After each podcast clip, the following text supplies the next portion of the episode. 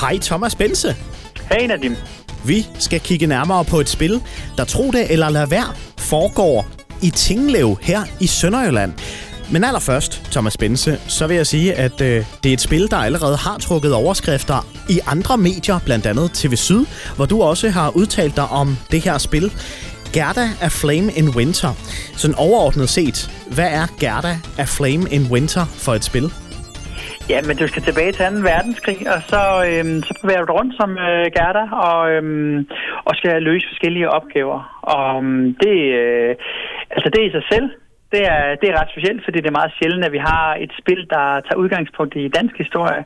Og, og det gør man jo her. Og, øhm, og det, øhm, jamen det, det, det ser meget spændende ud, og, også fordi, at, at der bliver, der skal man forstå, at der bliver udviklet rigtig mange danske spil hele tiden.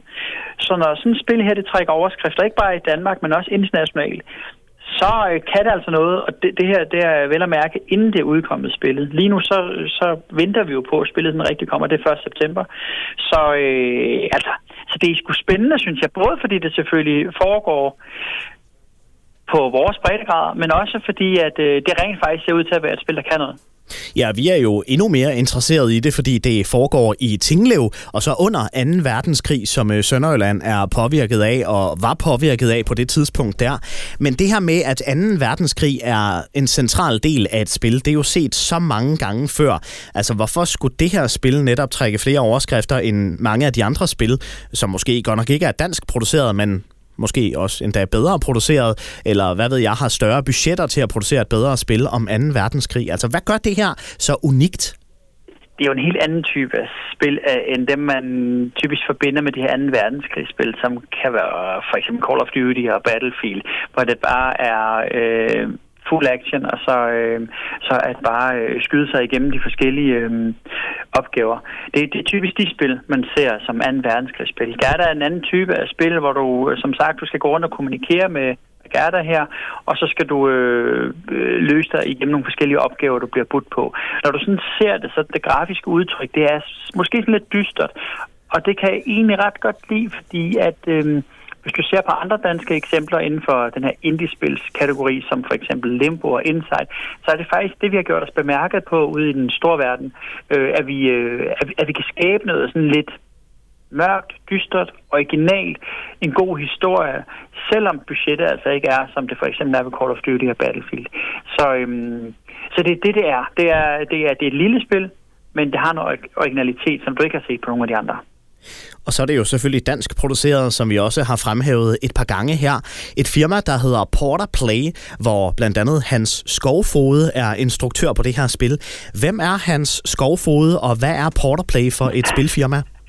Ja, men Porterplay er der nok ikke så mange, der kender. Jeg tror faktisk, hvis jeg husker sådan helt korrekt, så, så i sin tid, da det ligesom startede, så sad jeg faktisk og arbejdede sammen med en af dem, som ligesom øh, startede det her op. Og det er altså mange, mange, mange år siden. Det er 15, 16, 17 år siden.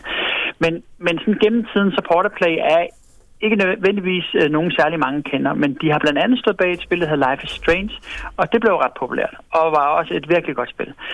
Så, så de har altså lavet nogle spil, de har også lavet øh, et andet spil, der hedder Vampyr, og, eller Vampire, øhm, og de har en anden en masse andre spil på deres CV, men øhm, Life is Strange, det er nok deres største hit indtil videre. Og måske så Gerda her kan komme op på samme niveau. Det, som selvfølgelig altid er lidt spændende, denne type af spil, der tager udgangspunkt i Sønderjylland, ja. det er, at hvis vi skal være helt ærlige, at når man sidder over i USA, eller i Australien, eller alle mulige andre steder i verden, hvorfor skal man så tabe ind i en historie, der foregår i Sønderjylland? Og det er det, der er spændende. Og se, om det ligesom bider på ud i den store verden. Det glæder jeg mig rigtig meget til.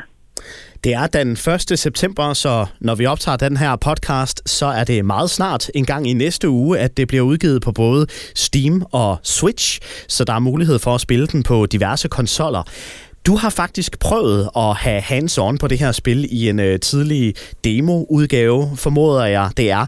Og jeg ved godt, du ikke kan give den helt store anmeldelse endnu, men hvad kan du alligevel fortælle om selve spillet, når man sidder med det?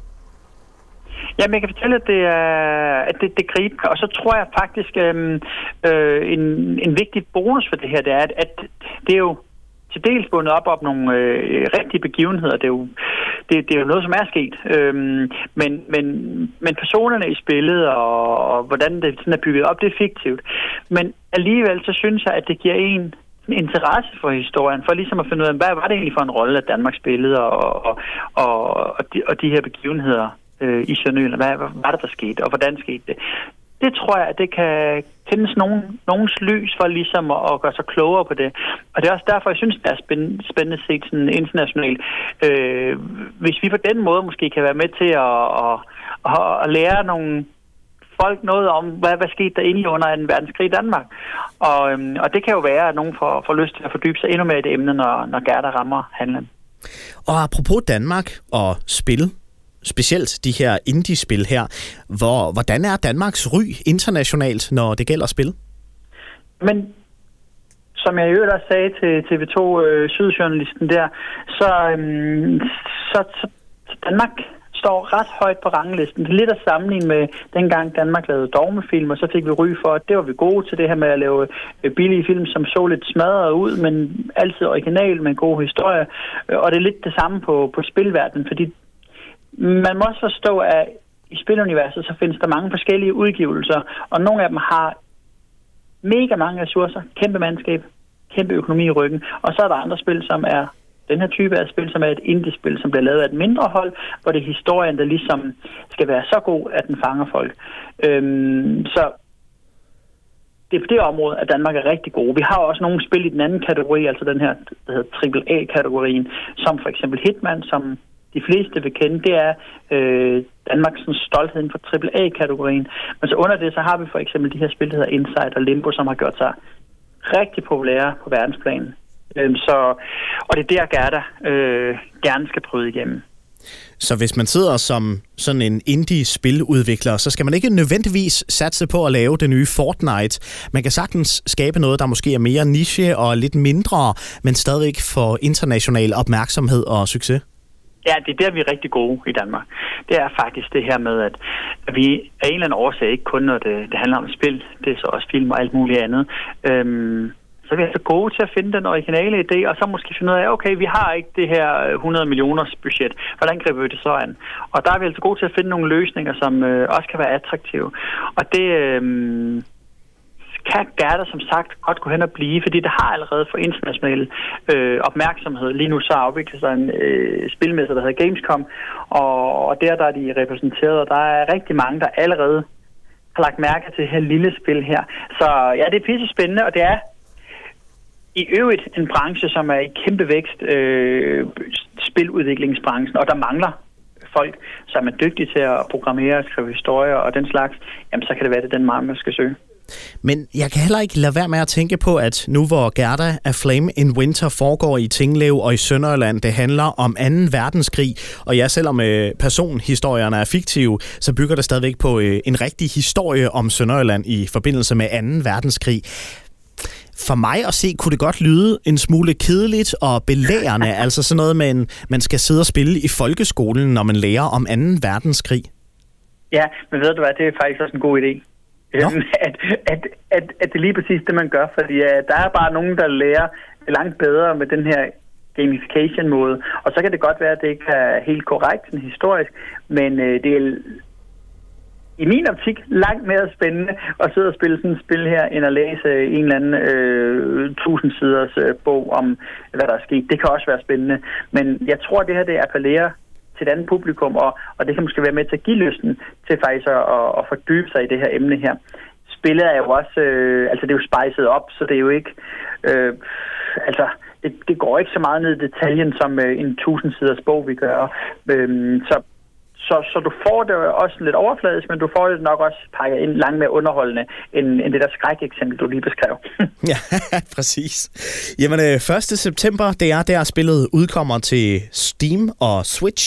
Det hedder Gerda af Flame in Winter, og foregår i Tinglev her i Sønderjylland, og er altså et spil om en øh, sygeplejerske, der hedder Gerda, som øh, forsøger at redde liv, ligegyldigt om man er dansker eller tysker, og det er ligesom det, spillet overordnet set handler om. Og øh, men må jeg lige, må, må, må jeg lige sige, at de altså også bare, det er et fedt navn, Gerda. Ja. Både som, som navn, men det er da også bare fedt, at der er et spil, hvis øh, hovedtitel af Gerda. Øh, og der tænker jeg også, at det bliver lidt sjovt at øh, øh, se, hvordan man ligesom tager det imod det i alle mulige andre lande, hvor man måske ikke kender et smukt navn som Gerda. Ja, præcis. Og jeg, jeg kunne læse mig frem til i den der TV Syd-artikel, som du også har udtalt dig til, at hans skovfode, som godt nok er opvokset på Sjælland, har, er kommet meget af sit liv i Sønderjylland, fordi han havde bedste forældre, der boede i Tinglev. Dog siger artiklen ikke noget om, om hans mormor tilfældigvis hed Gerda, men det kunne jo måske være. Jeg håber, det er en hyldest til, øh, til hans bedsteforældre og, og, og til hele den generation, som, øh, som har, har gjort en kæmpe indsats for, for trods alt at, at øh, bevare Danmarks stolthed. Præcis. I hvert fald hold øje med det her spil, Gerda af Flame in Winter. Det udkommer 1. september. Thomas Bense fra Pixel TV. Som altid en fornøjelse. Tusind tak. Selv tak.